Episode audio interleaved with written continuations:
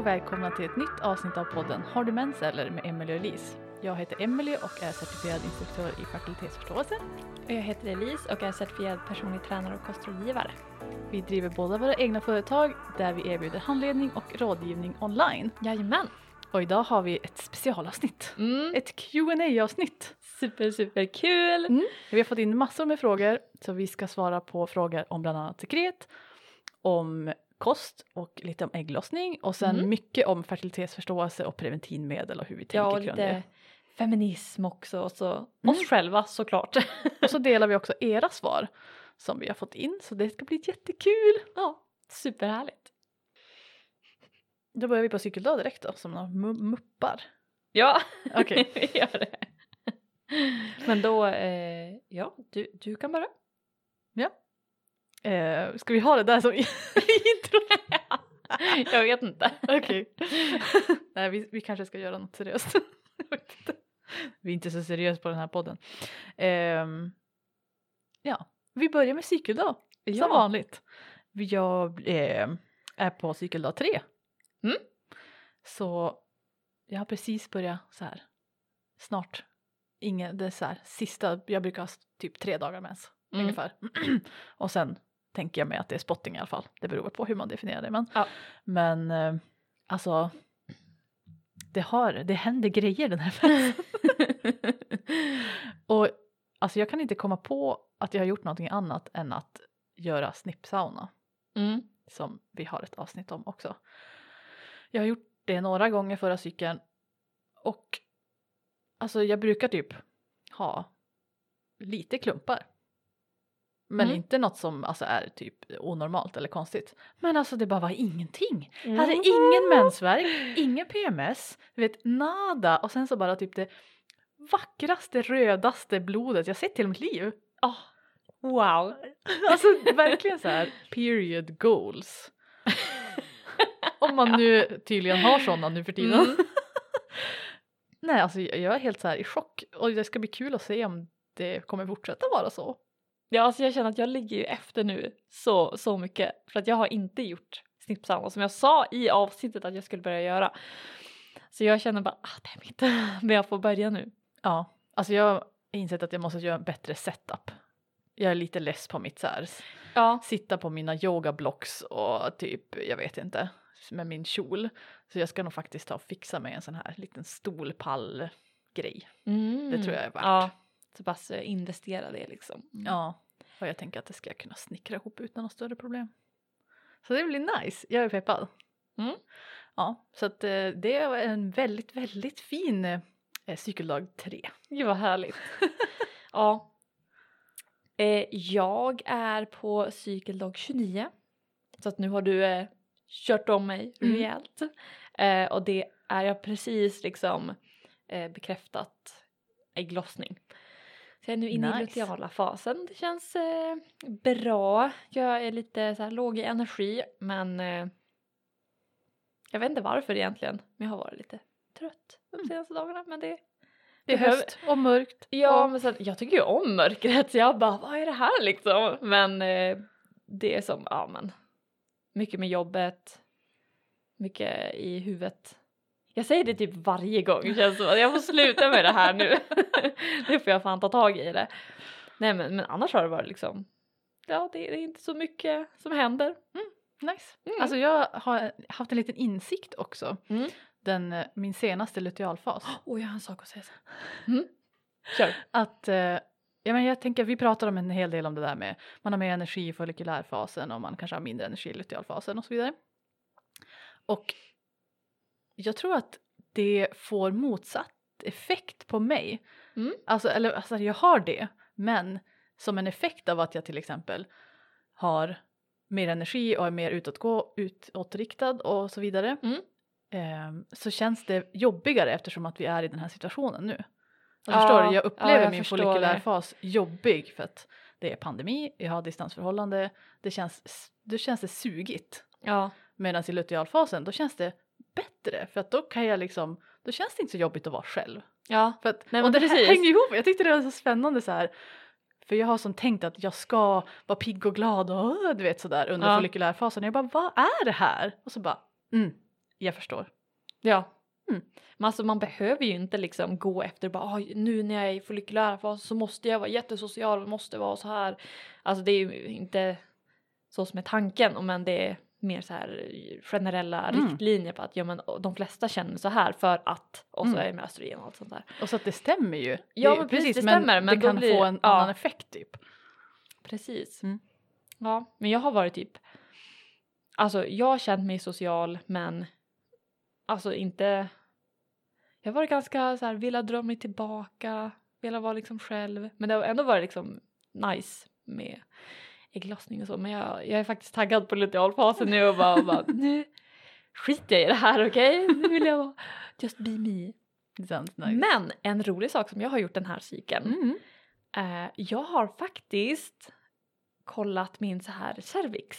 Jaha, Vilket kul. har varit jätte, jättekul. Jag har bara, du vet, inte kollat så mycket alls utan det var bara typ precis när jag började känna av, eh, jag, menar, mitt, jag öppnade mitt fertila fönster och började känna av liksom fertilt sekret. Så då har jag börjat köra det. Och det gick ganska snabbt för mig den här gången så fertila fönstret öppnades och det var fortfarande liksom torrt. Och sen så fick jag fertilt sekret och så bara och sen så kom ägglossning och sen så ja. Eh, men det var jättekul, jag har inte gjort det på så länge. Jag blir Så- lite inspirerad att göra det själv också för det var jättemånga år sedan jag gjorde Ja. det också. Men alltså det var riktigt, här, du ska få se längst längst ner. Ooh, kolla. För då kan man se att ja men precis vid ägglossning, sen någon dag innan då var den bara, ah, men det var ganska mjuk men var så här typ medel, medellåg. Det Mm. finns låg, medel och hög alltså i hur positionen den är, Ja exakt. eller hur djupt inne den är. Ehm, och sen så liksom, ju närmare ägglossning då var den bara jätte, jättemjuk, då var det de här mörka färgerna. Ja det är i Read Your Body kan man kartlägga cervix också. Ja På precis. ett väldigt stiligt Mm. sätt. Och så vart den bara öppnare och öppnare och öppnare och så vart den jättemjuk. Så den bara kändes som, jag vet inte, som den bara smälte in i resten av omgivningen typ. Och sen så Coolt. nu så är vi lutealfasen, då har den börjat stänga sig lite och Mm. Hur passade det ihop med sekretet bra också? ja. Alltså det var typ, vänta vi ska se vars min, eh, ja, mina två peak days på cervix var och det var dag 23 och 24. Och jag har nu har jag satt min peak som dag 23. Ja men perfekt. Så himla Så- fint. Så jag bara wow, det är liksom, ja, Vad roligt. det var ja, men, jätte, jättekul. Jättekul att du tog upp det för det är ju ett eh, jättebra tecken som man kan komplettera sekret med. Det Mm. reagerar ju på samma sak på östrogen. Precis. Så att det häng, ju- visar ju samma sak som sekret men det kan ju vara ett bra tecken för folk och det är spännande också. Ja, det var bara väldigt spännande. Mm. En sak att tänka på om man ska kartlägga sin cervix är att göra det på kvällen efter man har kollat sekret hela dagen så man inte stör sin, sin, sitt kollande av sekret. Så man har liksom redan bestämt vad man har för sekret och sen kollar man cervix och så försöker man göra det i samma position också varje gång. Mm. För då är det lättare att känna sådär som du sa om den är hög eller låg eller så. Mm. Eh, för man vill inte liksom stö- alltså, men lura sig att, att ja men man vill inte, sekretobservationen är prio ett, cervix position två. Ja. Tycker jag i alla fall. Mm. så det är en bra sätt att göra det på. Men eh, nu ska vi sluta prata om oss höll jag på att säga. Ja. Dags för prata mer om oss. Nej. Exakt. Vi eh, tänkte vi skulle göra ett qa avsnitt Så vi har en massa frågor som vi har ställt oss. Mm. Det ska bli, så det blir allt möjligt det här avsnittet. Ja. Ska vi, vi, vi, vi kör bara. ja. Eh, men då börjar vi med en fråga som jag direkt tänker, tänker att vi ska bara referera till tidigare avsnitt. Vad skämdes ni över mensen när ni var yngre? Varför, varför inte?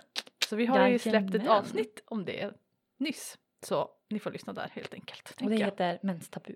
Ja, exakt. Sen har vi frågan, skulle ni vilja ha barn? Toppenbra podd Ooh. förresten. Tack, tack. Vill du börja med den? eh, ja, det kan jag väl. Om du Alltså- vill svara på den alltså. Ja, ja men precis. Eh, ja, alltså det vill jag väl. Men sen samtidigt tycker jag barn är läskigt. alltså jag är ingen... Alltså jag har aldrig varit en sån som bara åh barn, åh det är så fantastiskt och det är det jag vill liksom göra med livet. Utan barn har typ varit någonting som alltid kommit i andra hand, nej, typ i femte hand nästan. Bara för att jag vill typ kunna fokusera på mig själv och jag vet inte, jag är lite mer inriktad på att ja, men, akademiskt, att jag vill bli någonting, jag vill göra saker. Och sen så kommer barn som i efterhand. Men eh, någon gång skulle vara kul. Sen Du är jag ju lite- inte jättegammal heller. Nej, men jag har dem i min ålder, både som jag vet av som eh, har barn sedan flera år tillbaka, eller flera år, men några år tillbaka och de som så här, aktivt bara ja, jag vill ha barn nu. Mm. Och jag bara känner inte med dem. Du är den där. Nå någon gång blir det bra säkert, men inte nu. ja, precis. Och jag känner att eh, ja, både eh, min mamma mm, och mina två bästa kompisar, de som alla är födda samma år, eh, våra mammor var ungefär 30. Så jag bara, äh, jag har, jag har lång tid kvar. Så att, eh, lugnt. det är lugnt, precis. Just det. Ja, jag skulle vilja svara ja också på den frågan. Det vill jag absolut. Mm. Och det har nog varit som något som jag har velat länge. Men som Jag bara... hoppas att du inte känner att jag typ trashtalkar, det är inte meningen. Nej, nej, nej. nej men eh, det har jag känt länge och inget som, men det är liksom bara inte blivit rätt och jag, det känns inte som att jag skulle ha velat att det hände tidigare för Mm. Det, ja men med alla situationer i livet, partners och allt möjligt så har det inte blivit bra och jag hade inte velat det så heller. Mm. Så det känns på ett sätt rätt att det inte har hänt än till 100 procent. Men det är inget som jag någonsin har slutat vilja ha, förstår du vad jag Mm. menar? Mm. Men bara så här, ja, jag är inte jättegammal heller. Det låter som att jag är värsta eh, skrumpen eller någonting. Erfaren, ja. men, ehm, men ja, nej, det är något man tänker på absolut. Så får man Mm. väl se. Det händer när det händer tänker jag också. Det Ja. blir bra. Sen har jag börjat känna av det här, känna av, Eh, men det här att, att jag tycker bara barn är söt, för det har jag bara, okej barn är typ fula. det har jag tänkt typ hela livet. Vissa barn kan vara gulliga, men nu har jag som bara fått den här längtan, bara åh vad fint det skulle vara att hara, hara, nu min hjärna går lite för snabbt där, att ha ett eget barn liksom Mm. och bara ha en egen liten version av sig själv. Det Mm. låter så fint. Ja. Jag inte. Jag tycker det, för mig har det utvecklats från någon slags bara så här, jag vill vara gravid typ, jag vill uppleva det och allt som har med Jaha, det att nej, göra. det kan jag skippa. det kan jag bara, nej. Ja men jag har som känt så här, det, här min, det finns ett driv i min kropp typ att den ska gå igenom det här och känt mig väldigt så här, eh, ja men alltså det känns häftigt med förlossning och Mm. amning och allting som har med det där att göra. Sen vem vet vad jag kommer ha för upplevelse men jag har som alltid varit peppad på det men inte på barnbiten. Jaha, Förstår du? okej. Det som var det så här, ja men de lever om och det känns jobbigt och sådär. Så det har som kommit de sista typ åren ändå nu när jag börjar Mm. närma mig 30 typ att det har ändå varit se så här, ja men det är som en helt liten människa som man får, känner dela du får- livet med typ. Föra över lite av din hype med graviditeten till mig. Du kan få låna lite. Ja, tack, tack, tack. Eh, vi kan ju prata om det där ett helt avsnitt jag säga. Men eh, vi tar en till fråga. Ja. Vad önskar ni att ni visste om sex när ni var byxmyndiga? Hmm. Alltså min första tanke var bara kondom är okej. Det är fine. Typ, Ja, Var inte så rädd för kondom. ja. Jag skulle vilja säga att det är okej att säga nej. Ja, Det är okej att inte vilja. För att jag har haft jättesvårt med att säga nej. Eh, inte för att någon av mina partners har varit liksom, eh, alltså, vad säger man, elak, nej men Nej, att de har men varit det har inte hänt på någonting. så, nej men Mm. precis. Ehm, men det är på något sätt att jag har inte liksom varit helt ärlig med mig själv så jag har inte vågat säga nej för att jag har som känt en sorts skyldighet mot den jag har legat med. Mm. Och bara haft den här typ pressen så nu har jag lite så här prestationsångest som ja, inte är så kul. Nej, verkligen inte. Men också tänker jag jättevanligt. Ja, jag Att det tror det är finns sån- extremt vanligt. Någon sån idé om att kvinnor ska acceptera allt möjligt och Ja, och har du inte sex med din, din man så är du inte värd någonting. Alltså, ja, eh, mm. det är en hel, eh, det är ett helt samtalsämne men det är någonting som jag skulle verkligen vilja trycka till mig själv när jag Ja. var ung att det är okej att inte vara sugen, det är okej att inte vilja ha det, det är okej att vara sugen men ändå säga nej. Mm. Liksom det är okej med allt sånt där. Ja, jättebra poäng. Mm. Jag tänker också att jag skulle vilja ha haft ett lite mer nyanserat, nya, nyanserat, nyanserad bild av sex. Ja. Att inte det bara är eh, heteronormativt penetrativt Ja. sex. För det känns som att det var en, en väldigt sådär, det var i princip bara den bilden jag hade av sex Mm. länge. Och eftersom att jag är heterosexuell själv, eh, typ i Ja. alla fall. Än så länge. Vad jag vet. ja, så, eller ska vi säga, jag har i alla fall bara var, haft sex med män. Så, ja men, så är det ju, det, man faller in i fastnar lätt fack, i det. liksom. Ja. Ja. exakt. Så jag tänker att det skulle också vara, vara spännande att säga till mitt yngre själv att man kan, man kan göra allt och ingenting och det måste inte följa så här förspel, penetration, orgasm, slut Mm. typ. Bra. Mm. Bra svar. Vi går vidare. Yes. På tal om sex så har vi en till fråga på den. Eh, har ni använt, ha, har ni haft något engångsligg medan ni använt FAM, alltså en fertility awareness based method, alltså fertilitetsförståelse som preventivmedel? Mm. Mycket Eh, bra fråga. Eh, nej kan ju jag säga på den. Enkelt. Enkelt. Skulle du känna att det var okej? Att, ju- alltså nu vet jag att du är i en relation men rent teoretiskt. Eh, ja, Eh. alltså, eller jag skulle använda kondom för att det skyddar mot könssjukdomar. Ja. Så jag vet inte riktigt om det skulle göra så mycket just med ingångsligg. Då bara, ah, men jag skulle ändå skydda mig med kondom så det spelar ingen roll typ. Mm. Jag tänker exakt samma. Eller ja, och det är också min upplevelse. Ja. För det har jag gjort och det, ja, det är så här, man, klart man använder kondom, det, är, ju- det gör man ju. Ja. Eh, jag kan inte komma ihåg om jag så här spekulerade vilken del jag var fasen, alltså, eller del av cykeln då eller någonting. Ja. Men jag tänker bara så här spontant nu så skulle jag nog absolut eh, till exempel inte ha alltså PIV ens med kondom i, när jag var som mest fertil Mm. för att det känns som en för stor risk med, i en sån situation. Mm. Jag skulle nog absolut ha nytta av det tror jag. Ja. Eh, men jag skulle nog inte, ja exakt, kondom alltid så att det blir ju ändå en, en kombination av metoder hur som helst. Mm. Mm. Ja, nej, jag, jag kör ju lite på kombination så. Ja, alltså, och det är exakt det man gör också men man ska ju vara extra noga om man eh, inte har en stadig partner som man vet inte har Precis. några könssjukdomar och Mm. annat. Här har vi en fråga till dig. Till mig? Ja. Eller jag kan inte svara på den här frågan känner jag. Så Då är det inte mig. Nej. ja, ja precis, jag lämpar över dem på dig. Eh, kan man boosta ägglossningen? Ja, mm. Eh, det är så här, det är språket, bara men boosta ägglossning. Jag vet inte om man kan säga att man gör det. Eh, Det är samma sak som att man säger att man boostar immunförsvaret. Jag tycker inte riktigt, alltså man kan inte säga det heller.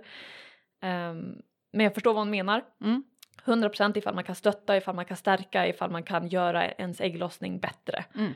Eh, Så absolut. Främja Ja, kanske? det känns, visst. Mm. Var det någon annan fråga tidigare som vi som Ja, pratade också om I ägglossning? ägglossningsavsnittet tror jag vi pratade Ja, om det. precis. Jag får nästan. jag känner att jag måste steppa upp mitt game och köra något eh, avsnitt där jag bara snackar Stötta Ja, ägglossning. Ja, det eh, men ja, det kan man göra. Mm. Eh, bara så här, exempel är D-vitamin så att man har tillräckligt med det i kroppen. Eh, vilket är viktigt nu under eh, vinter och eh, mörka tider. Och det hjälper även mot eh, om man känner sig typ nere och har sex- säsongsdepression och sånt. Um, zink, jätte, jättebra. Um, tillräckligt med kolhydrater, också superviktigt. Typ pushar på det hela tiden på min Insta. Um, och stress, stress har ju jättemycket med, inte Mm. för att eh, förbättra utan den försämrar så Mm. minska stress. Exakt. Mycket bra. Mm. Men det låter ju bra med ett avsnitt om det. Det tycker jag. Vi har en stor fråga. Vi får se hur lång tid det tar att svara på den här. Ja. Ehm, men vi har frågan, hur tror ni att framtiden ser ut inom fertilitetsförståelse som preventivmedel? Bara liksom hur det var när vi var ung jämfört med hur det kommer vara i framtiden då. Det är ju spännande att tänka på Mm. och jätteviktig fråga tänker jag. Ja, jag tror definitivt att det kommer bara fortsätta utvecklas. För jag menar redan nu så är det folk som, alltså det blir fler och fler som håller på med fertilite- fertilitetsförståelse eller de som kan sin menscykel mycket bättre eller de som börjar känna att men vet du vad, jag vill inte vara på hormonella preventivmedel. Nej.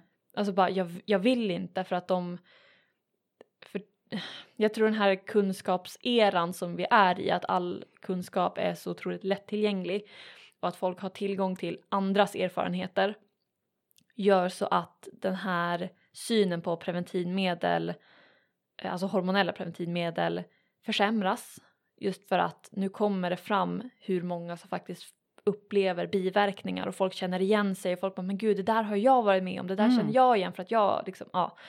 Så jag tror definitivt att det kommer bli mindre hormonella preventivmedel och mer fertilitetsförståelse. Ja. Ehm, Jag har som svårt att 100%. se en framtid utan det. ja, På något nej, jag sätt. med. Men jag, jag känner som på något sätt att vi är lite, eh, vad ska man säga, bakis efter p-piller-revolutionen. Ja, Ungefär. precis. Ja. Alltså det var liksom, eh, ja, det finns ju mycket hemska saker med p-piller-revolutionen också men på ett sätt var det ju ett sätt alltså för feminismen och ja, här. det finns ju positiva och negativa sidor till allt. Verkligen, men att vi nu liksom har vaknat upp på något sätt efter den här eh, hajen. Att Ja. bara, oh shit, det finns mycket biverkningar och liksom, det bara dräller ju fram saker som eh, man aldrig kunde kunna tänka sig skulle kunna hända av ett hormonellt preventivmedel. Mm. Så jag är som bara chockad varje gång jag läser om ja men det ökar depression, alltså du vet alla möjliga eh, effekter som man, Ja. ja. jag blir helt så här, både Man blir matt liksom. Ja verkligen. Och just att det här har varit någonting som folk bara gett ut till unga kvinnor framför allt. Mm. Jag känner att det hade varit en sak ifall vi hade haft typ 18-årsgräns i alla fall. Eller Ja. om inte 20-årsgräns på hormonella preventivmedel. Mm. Men det är det ju inte och Det kanske blir det. det kanske. Vi kanske ska införa det. Ja, eller hur? Nej, men jag tycker det hade varit ett mer ansvarsfullt sätt. Men sen samtidigt har ju folk sex när de är ung och i brist på annat, i brist på annan kunskap om menscykeln, hur den faktiskt fungerar och andra sätt att skydda sig, då är ju p-piller liksom det bästa alternativet.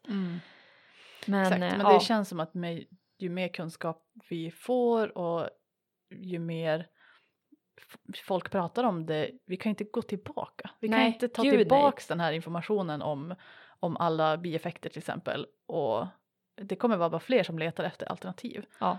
Och då tänker jag att jag kan, jag först, det här är ett jättebra alternativ. Så jag, det passar inte alla, absolut inte alla. nej, Men jag tror att det kan passa en mycket större del av befolkningen än som använder den just nu. ja gud ja. Så jag tänker att Sen tror jag det är inpräntat i vårt sinne att det här, åh det ska vara så lätt som möjligt, det ska vara så lätt som möjligt för att du ska liksom göra annat men samtidigt så, alltså vi har blivit så otroligt fokuserade på akademiska biten, säger jag som bara, åh hellre akademiskt än barn. Ja men, att vi har glömt bort det här cykliciteten och den här kopplingen till naturen och koppling, alltså den, det fina med att vara en cyklisk varelse tycker jag. Mm.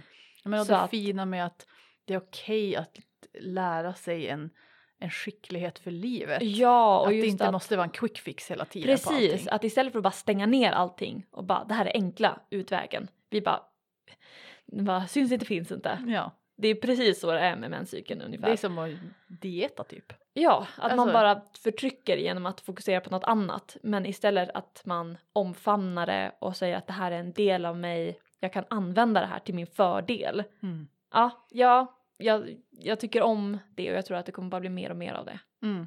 Jag Också med hoppas- kost och sånt där. Jag hoppas verkligen det. Att, eh, ja men som med kostgrejen också, att vi liksom blir flödade av information och det sker så mycket studier och det är ju jättehäftigt att det sker så mycket forskning och grejer. Mm. Och jag tänker att nu är vi i någon slags eh, lite så här information overload. Ja, Att jag tänker att det förhoppningsvis kan balansera ut sig lite mer eh, i framtiden och att det sker med forskning på kvinnor och sånt där. Mm.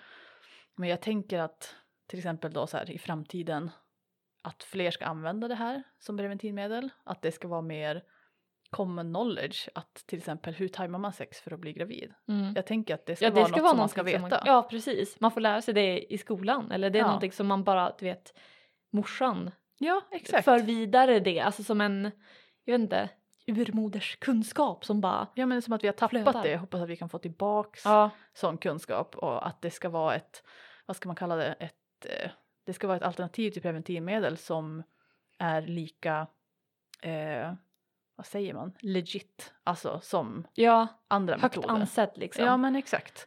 Det eh, hoppas jag och tror jag ändå. Alltså för det, Det tror jag med. forskningen Alltså, det kommer- är ju liten men inte dålig på sådana här metoder. Nej, jag tror definitivt att det kommer. Men jag tror att det kommer få vara, det kommer vara en jävlig fight för att det ska bli så för att läkemedelsföretag de tjänar ju jävligt mycket pengar på att folk går på p-piller. Ja. och Så jag tror att de kommer inte vilja ha ett liksom sånt här alternativ Nej. på marknaden egentligen. För jag menar, även alltså, nej exakt, för det är något som man lär sig och sen så kan man det. Man kanske behöver lite stöttning beroende på men, men Men inte alls i samma, om vi säger det, typ p-piller, ja men nu kan det kosta ganska lite när man är yngre. Vad Mm. kan det gå, då är det 20 spänn typ per förpackning och det är en månad va? ja, Eller vet, tre månader? jag betalade ju 300 spänn, jag använde såna här eh, ring, p-ringar. Jag betalade 300 spänn tror jag det var per på tre månader. Oj, det var så det är dyrt. en, Ja, så det är 1200 spänn per år. Ja. Eh, och så tänker man så här, man lär sig fertilitetsförståelse för några, liksom, en, tus, några tusen lappar Mm. och sen kan man det resten av livet. Resten av livet. Ja. Det är bra ekonomiskt val. Exakt. Nej, nej men så jag tänker att jag vill att det ska, jag vill inte att det ska vara så att det ska behövas folk som mig som sitter och har egna företag och stöttar folk med sådär. Jag vill att det ska finnas i skolan och i vården. ja, Alltså, fatta vad nice det hade varit. ja, det ska vara allmän knowledge känner Ja. jag. Men så jag hoppas att våra liksom typ barn och generationen kvinnor efter oss kommer att det här kommer vara en mer en standarddel i deras Mm. liv typ. Mm. Ja, jag vet inte hur snabbt det kommer gå men jag hoppas att och tror att det ska gå åt det hållet i alla fall. Ja, nej men jag, jag tror det också. Nice. Och det en del av den här frågan var också med par partners, eh, partners ansvar. Också hur vi tror att det kommer se ut i framtiden. Jag tror definitivt att det kommer bli mer och mer. För att det är redan, ja men, alltså det känns som att eh, det är positivt inställt. Många som har partners ser det positivt. För att de bara, okej men du mår mycket bättre Mm. utan, för de flesta byter ju för att de inte vill vara på hormonella preventivmedel på grund av eh, biverkningar och sånt.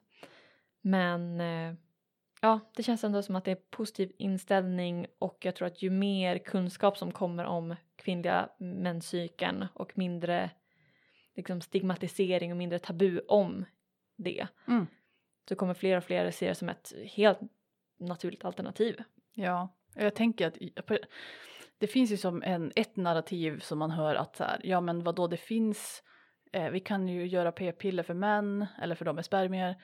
Ehm, och vad då sluta klaga på att de har biverkningar. För att vi får ju stå ut med biverkningar. Mm.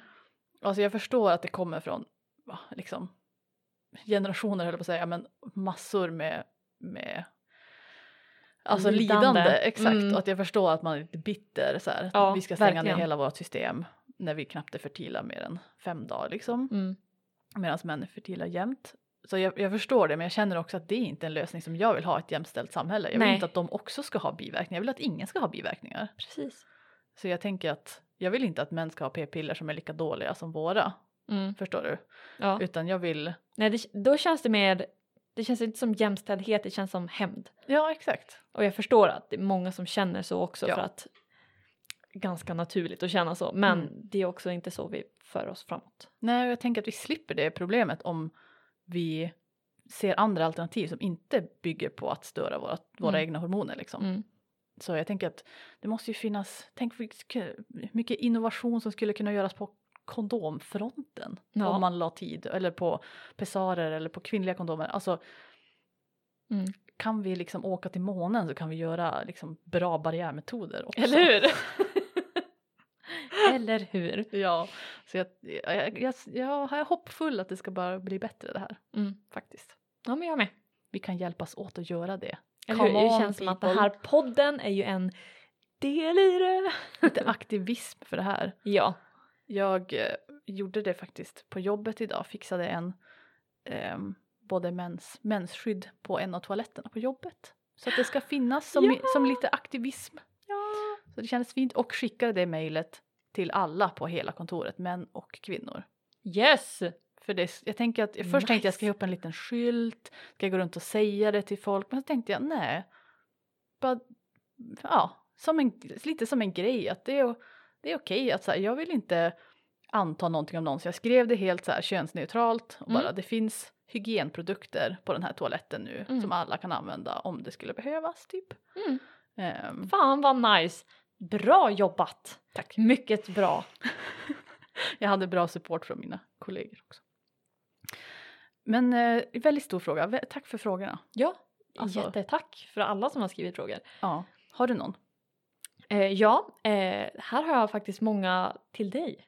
Oj oj oj. Ja, Hit på me. min! eh, jag har en som eh, frågar om sekret. Eh, Mm. mycket och krämigt sekret i lutealfasen, vad kan det bero på? Det här är jag rätt säker på att vi har svarat på i sekretavsnittet också. Mycket möjligt. Ehm, det, man får det för att det sekretet som bildas efter ägglossningen, alltså det som är tänkt för att täppa till cervix och eh, livmodern, är ju sånt här G-typ sekret som är oftast vitt, kletigt, klistrigt, något åt det hållet. Mm. Eh, och det ska ju, kan ju skapa då som en plugg i livmodertappen. Och vissa har så att den, den är liksom mer fast på något sätt, eller vad man ska säga. Ja. Så att man får torra dagar i lutealfasen. Medan för andra så är det som att den här, alltså det lossnar liksom sekret från den hela tiden. Det är inte så att det är en plugg, man tänker som något så här flopp. Ja. Utan det, det liksom lossnar sekret från den och det är det man ser under lutealfasen. Och som jag har förstått så är det liksom mellan personvariationer som inte är underliga. Mm. Det viktigaste är att lutealfasen är ett jättebra ställe att hitta sitt infertila mönster. För du är ju faktiskt helt infertil i lutealfasen. Mm. Och då kan man se så här, ja men hur ser mitt, det här eh, platta, säger man det, oföränderliga sekretmönstret ut? Mm. Så då kan det ju vara att man har ett sånt mönster.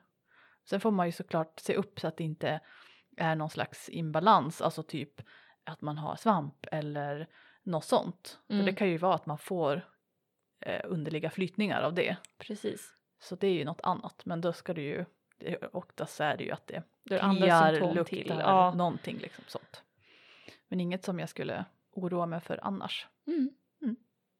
Mycket bra svar. Eh, Jag har en till. Eh, hur ska en kolla sitt sekret? Stoppa in fingrarna slash fingret eh, eller när på dygnet? Mm. Jättebra Eller, fråga. eller när på dygnet? När på dygnet var också en fråga. Jag säger, vi börjar med den andra delen. Du ska kolla jämt. Hela tiden. Så jag har sett folk som har skrivit det med här penna på sitt lår. Så när man drar ner byxorna och sätter sig på toan då står det så här. Nej, vad kul. Kolla sekret! ja. det tycker jag är bra. Nej men eh, man brukar rekommendera kolla varje gång man är på toa. Oftast innan och efter. Mm. Så bara så ofta som du kan få in rutinen. Kolla Innan jämt bara. och efter, det kändes, eh, ta- det kändes för mycket. det orkar inte jag. det, det, det är lite olika folk upplever det att eh, en del är det bättre att torka sig innan för att så att det inte liksom typ det ska sköljas bort. Mm. Men många upplever det också bättre att kolla efter för att då har man liksom spänt musklerna i, i bäckenet så Mm. att då kommer det ut grejer också. Mm. Så man får testa sig fram lite. Men absolut, man kan inte bara kolla en gång typ eller något sånt där.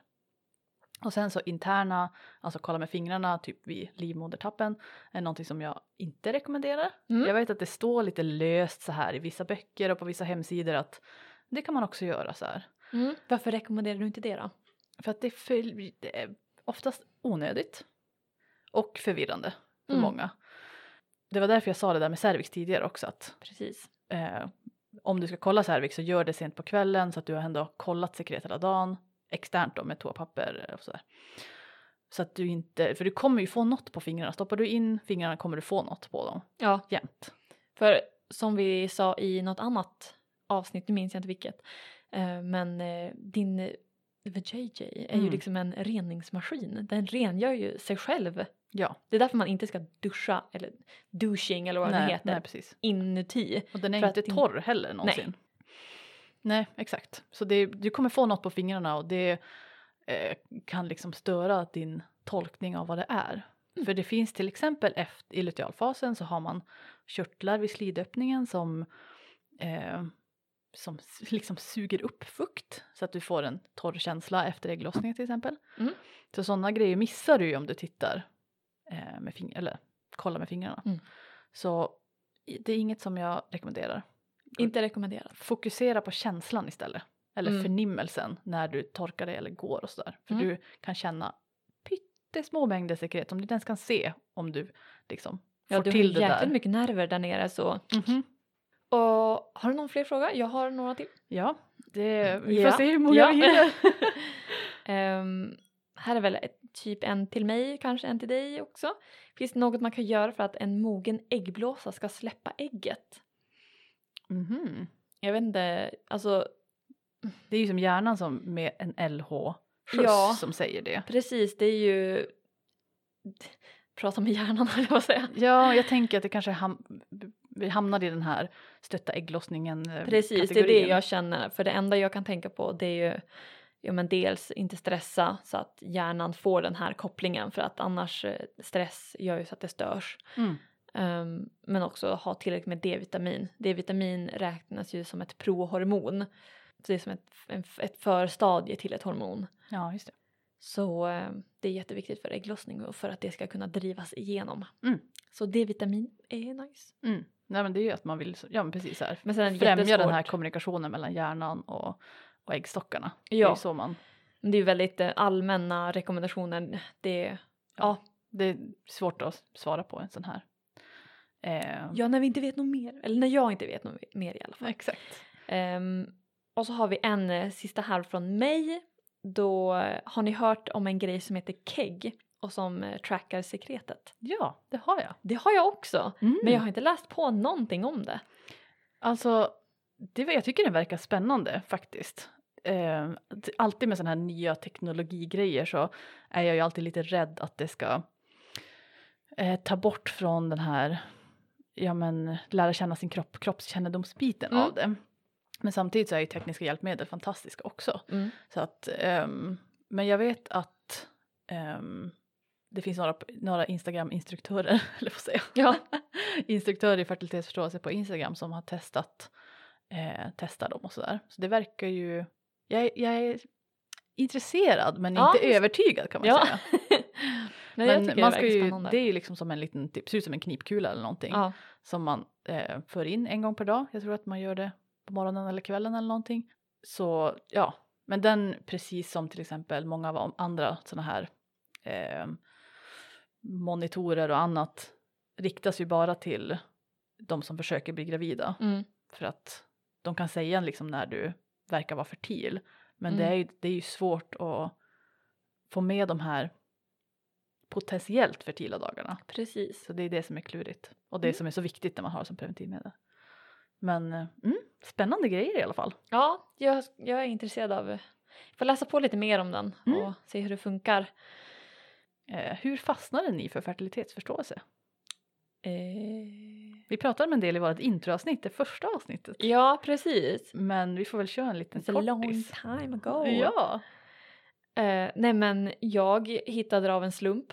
Eh, för jag var så less på att vara på hormonella preventivmedel. För jag hade testat jättemånga olika. Jag började på hormonspiral. Och sen bytte jag till p-piller och så bara fungerade inget. Eh, och så bytte jag. För jag försökte ändå hitta någonting som var. Alltså som bara funkade. Men det bara blä, kände jag att fuck this. Och jag ville bara sluta med dem och så snubblade jag över Taking charge of your fertility. Just det. Precis och eh, bara ah men så här är basic grejerna. Alltså den boken, det var som eh, att öppna en helt ny värld. Ja. ehm, Men det var bara så här helt slumpartat att du råkade snubbla över det. Det var ingen som du ja, kände? jag letade eller? och letade och letade Ja. bara för att det fanns något alternativ liksom. Alltså jag kan inte heller komma ihåg vad, hur jag hittade det. Men jag tror att det var Natural Cycle som jag hittade först. Mm. Ehm, Mhm, Ja. Och kände att det här skulle ju vara spännande. Och så jag använde ju det i typ ett år. Och jag vet inte om man ska kalla det för att jag hittade fertilitetsförståelse direkt utan jag hittade väl det preventivmedlet typ. ja. Och sen så var det också att jag kände att det var något som saknades. Och då Mm. hittade jag också den där boken Taking Charge of Your Fertility. Och då bara mind blown! Ja. Och så bara du vet då läsa allting jag hittade, typ kolla olika metoder, vad finns det, hur funkar det? Bara jag ska lära mig allt. Mm. Ändå kul att eh, du nämner natural cycles för jag eh, för ni som inte kan se, nej men jag hittade en screenshot på en gammal Natural Cycles cykel som jag hade. Men som sagt, jag började ju med fertilitetsförståelse. Eh, så jag testade egentligen bara Natural Cycles för jag visste, alltså en annan ehm, i min liksom, eh, vad heter det, skolbänk. Ja, jag, klasskompis. Jag plugg, precis, klasskompis. eh, när jag pluggade till hälsocoach. Eh, de körde Natural Cycles. Eh, så jag bara, men jaha, vad är det här för något spännande?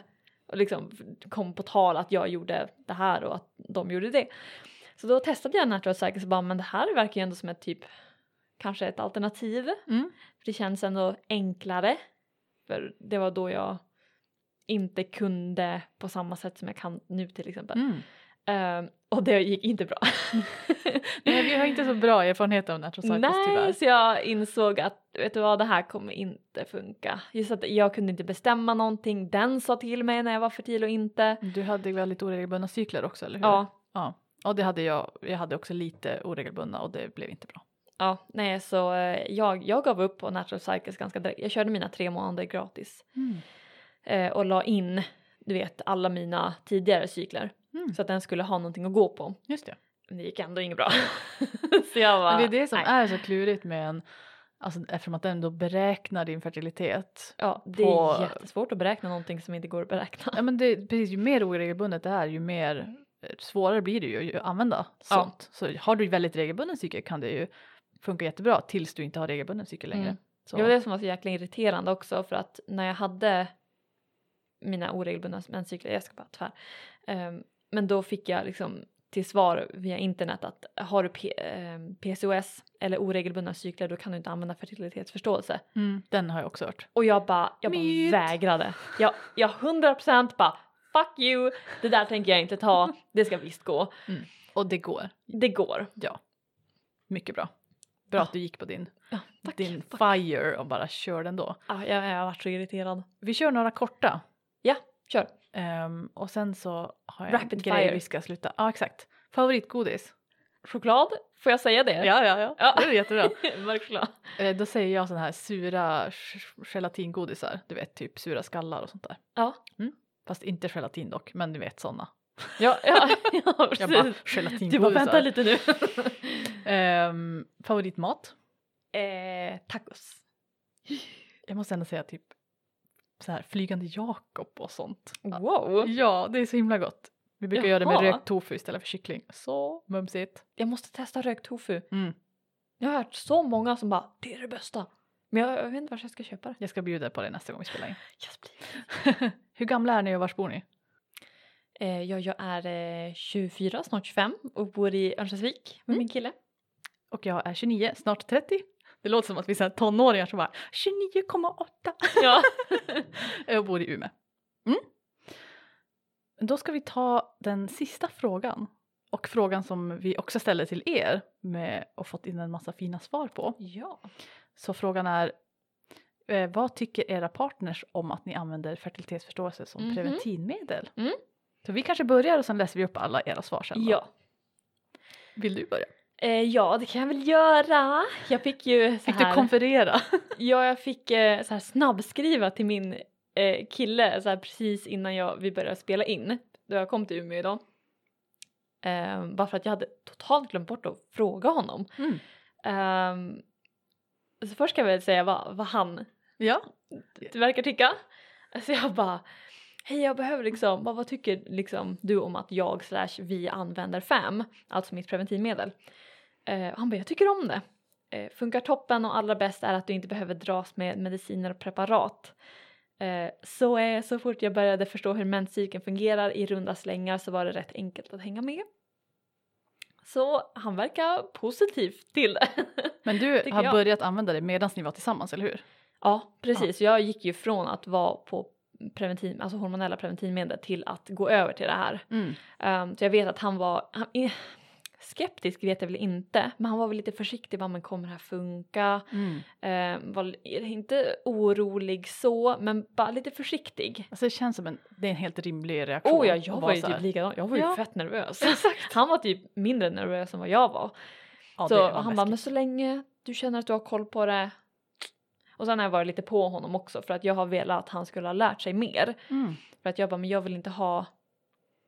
Jag, jag kan dras med att ha hela ansvaret men jag vill att du ska veta hur det funkar. Mm. Jag vill att du ska veta hur allt det här och sen så är jag ju i arbetsområdet som jag är så han har ju inte haft något val egentligen. Exakt. Finns ju Ehm. risk att man pratar om det ibland. Eh, ibland. så han har ju fått lyssna på otaliga gånger med då jag bara inte rantar men bara snackar om mens och allt sånt. Så han har ju fått lära sig efter ett tag så han bara ah, är du i din luteala fas nu? Och jag bara ja. Vad Så gulligt. stolt. Vad gulligt. Mm. Ehm, jag har ju, jag gick ju redan på det här preventivmedlet om man nu kan säga så när jag träffade min nuvarande partner så att det var ju inte så att det var någonting som utvecklades medan utan det var ju Mm. precis som att ja men när man träffar någon ny så använder man ju kondom. Ja och sen så var det så här som att jag bara eh, det är ju så att jag använder det här preventivmedlet och sen förklarade typ hur det funkade Mm. eh, när, i början när vi sågs och var så här ja men jag kollar de här grejerna så jag vet när jag är fertil och inte så typ så här tänker jag eh, funkar det här för dig typ så här, Mm. hur vi ska anpassa sex och sånt och ja men han tyckte att det lät bra alltså nice, så här, nice. eh, nu har vi varit ihop i snart två år så jag frågade också så här så vi har, vi har ju pratat om det och så här, vilka risker är vi beredda att ta och sånt men det är ändå Mm. kul att och, och Och få kolla höra liksom Ja. va? så han, han tycker att det är bra det är bra det här med att det inte håller på, alltså man behöver bråka med hormoner. Han Mm. tycker det känns bra för honom också att slippa, slippa den grejen, att det är stort plus. Ehm, och sen så frågade jag också så här, ja men var du inte, är du inte så här orolig eller skeptisk över att det här med att ha helt oskyddat sex då som man kan ha på sina inte fertila dagar. Mm. Och så här, har du inte känt dig otrygg med det typ?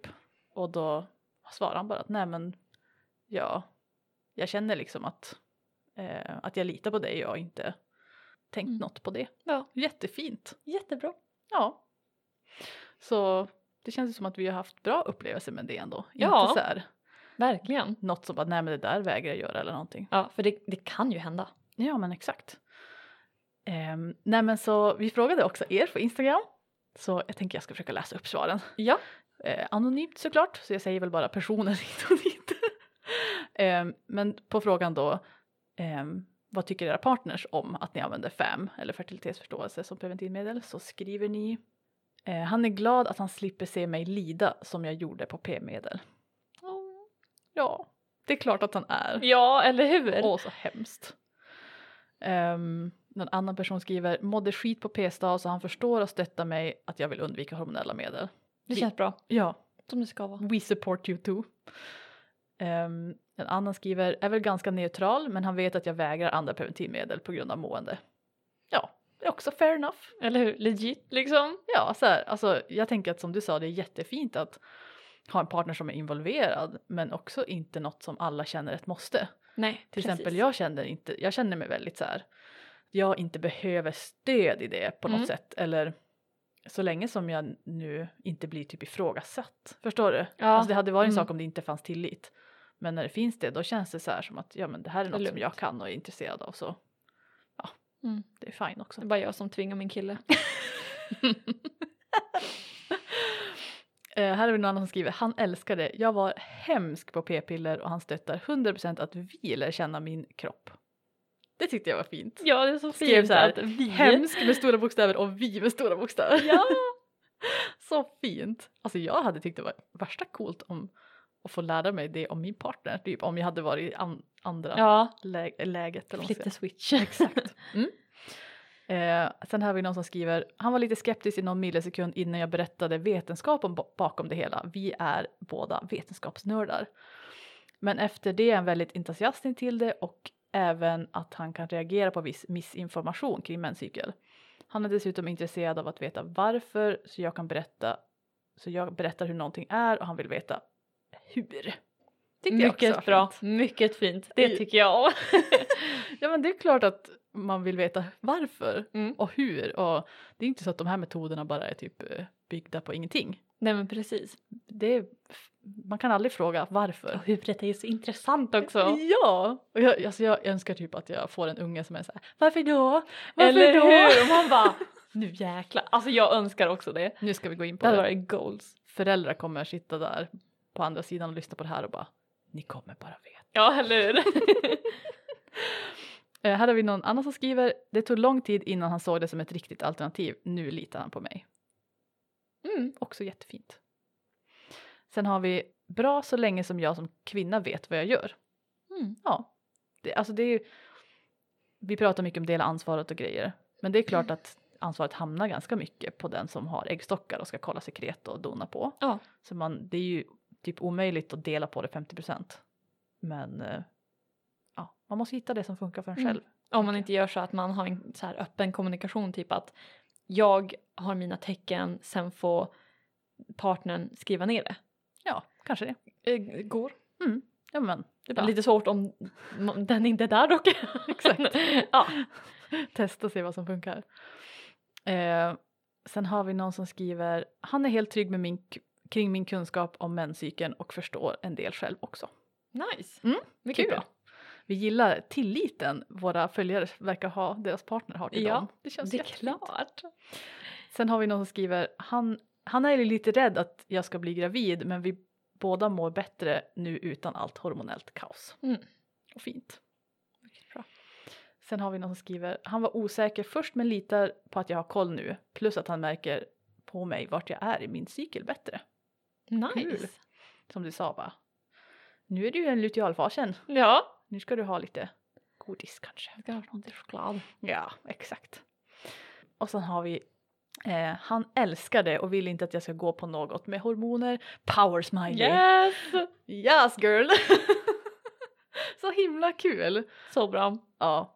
Eh, min partner är superpositiv. Sexlust är tillbaka och övriga biverkningar borta. Tummen upp för båda. Yes. Gud vad härligt. Alltså, jag Ja. blir så glad av att läsa det här. Ehm, Det är som pepp. Ja, och så har vi någon som skriver. Han tycker det är bra och han är fascinerad över den kvinnliga fysiologin. Yes. Mycket bra. Alltså- ja, tack. Alltså jag blir, så, jag blir så glad Mm. att ni verkar ha så fina partners och vi har så fina partners.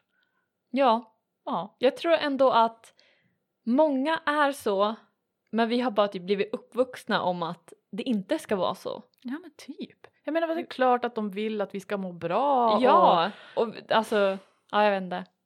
Jag tänker bara på mig själv förr i tiden. eh, när jag var yngre, då var det som inte en självklarhet att ja, men min partner ska typ bara åh men det är klart jag vill att du ska må bra. Alltså det var som inte en, en del i det här preventivmedlet. Nej. Ja, Jag men det, också, det är ju en stor del. att, det är klart att ja, en vettig partner vill det liksom. Ja, Så himla bra. Nej, jättekul avsnitt. Vi Ja, får göra det någon tack fler för alla gång. frågor. Ja, Ja. precis. Mm. Nej men om ni har frågor så får ni skicka till våran eh, gmail mensnördarna.gmail.com Mm. Annars så kan ni hitta oss som vanligt, mig på cykelklok på Instagram och min hemsida. Och mig hittar ni hälsonöjd fast, fast utan alla prickar ehm, på min hemsida eller på Instagram. Mm. Eh, ja, eller på eh, har du mens understreck eller Exakt, finns vi också. poddinstan. Precis. Jajamän. Ja, nej men då får vi väl tacka så mycket för att ni har lyssnat helt Ja. enkelt. Tack så jättemycket. Så hörs vi. Puss och kram! Hej!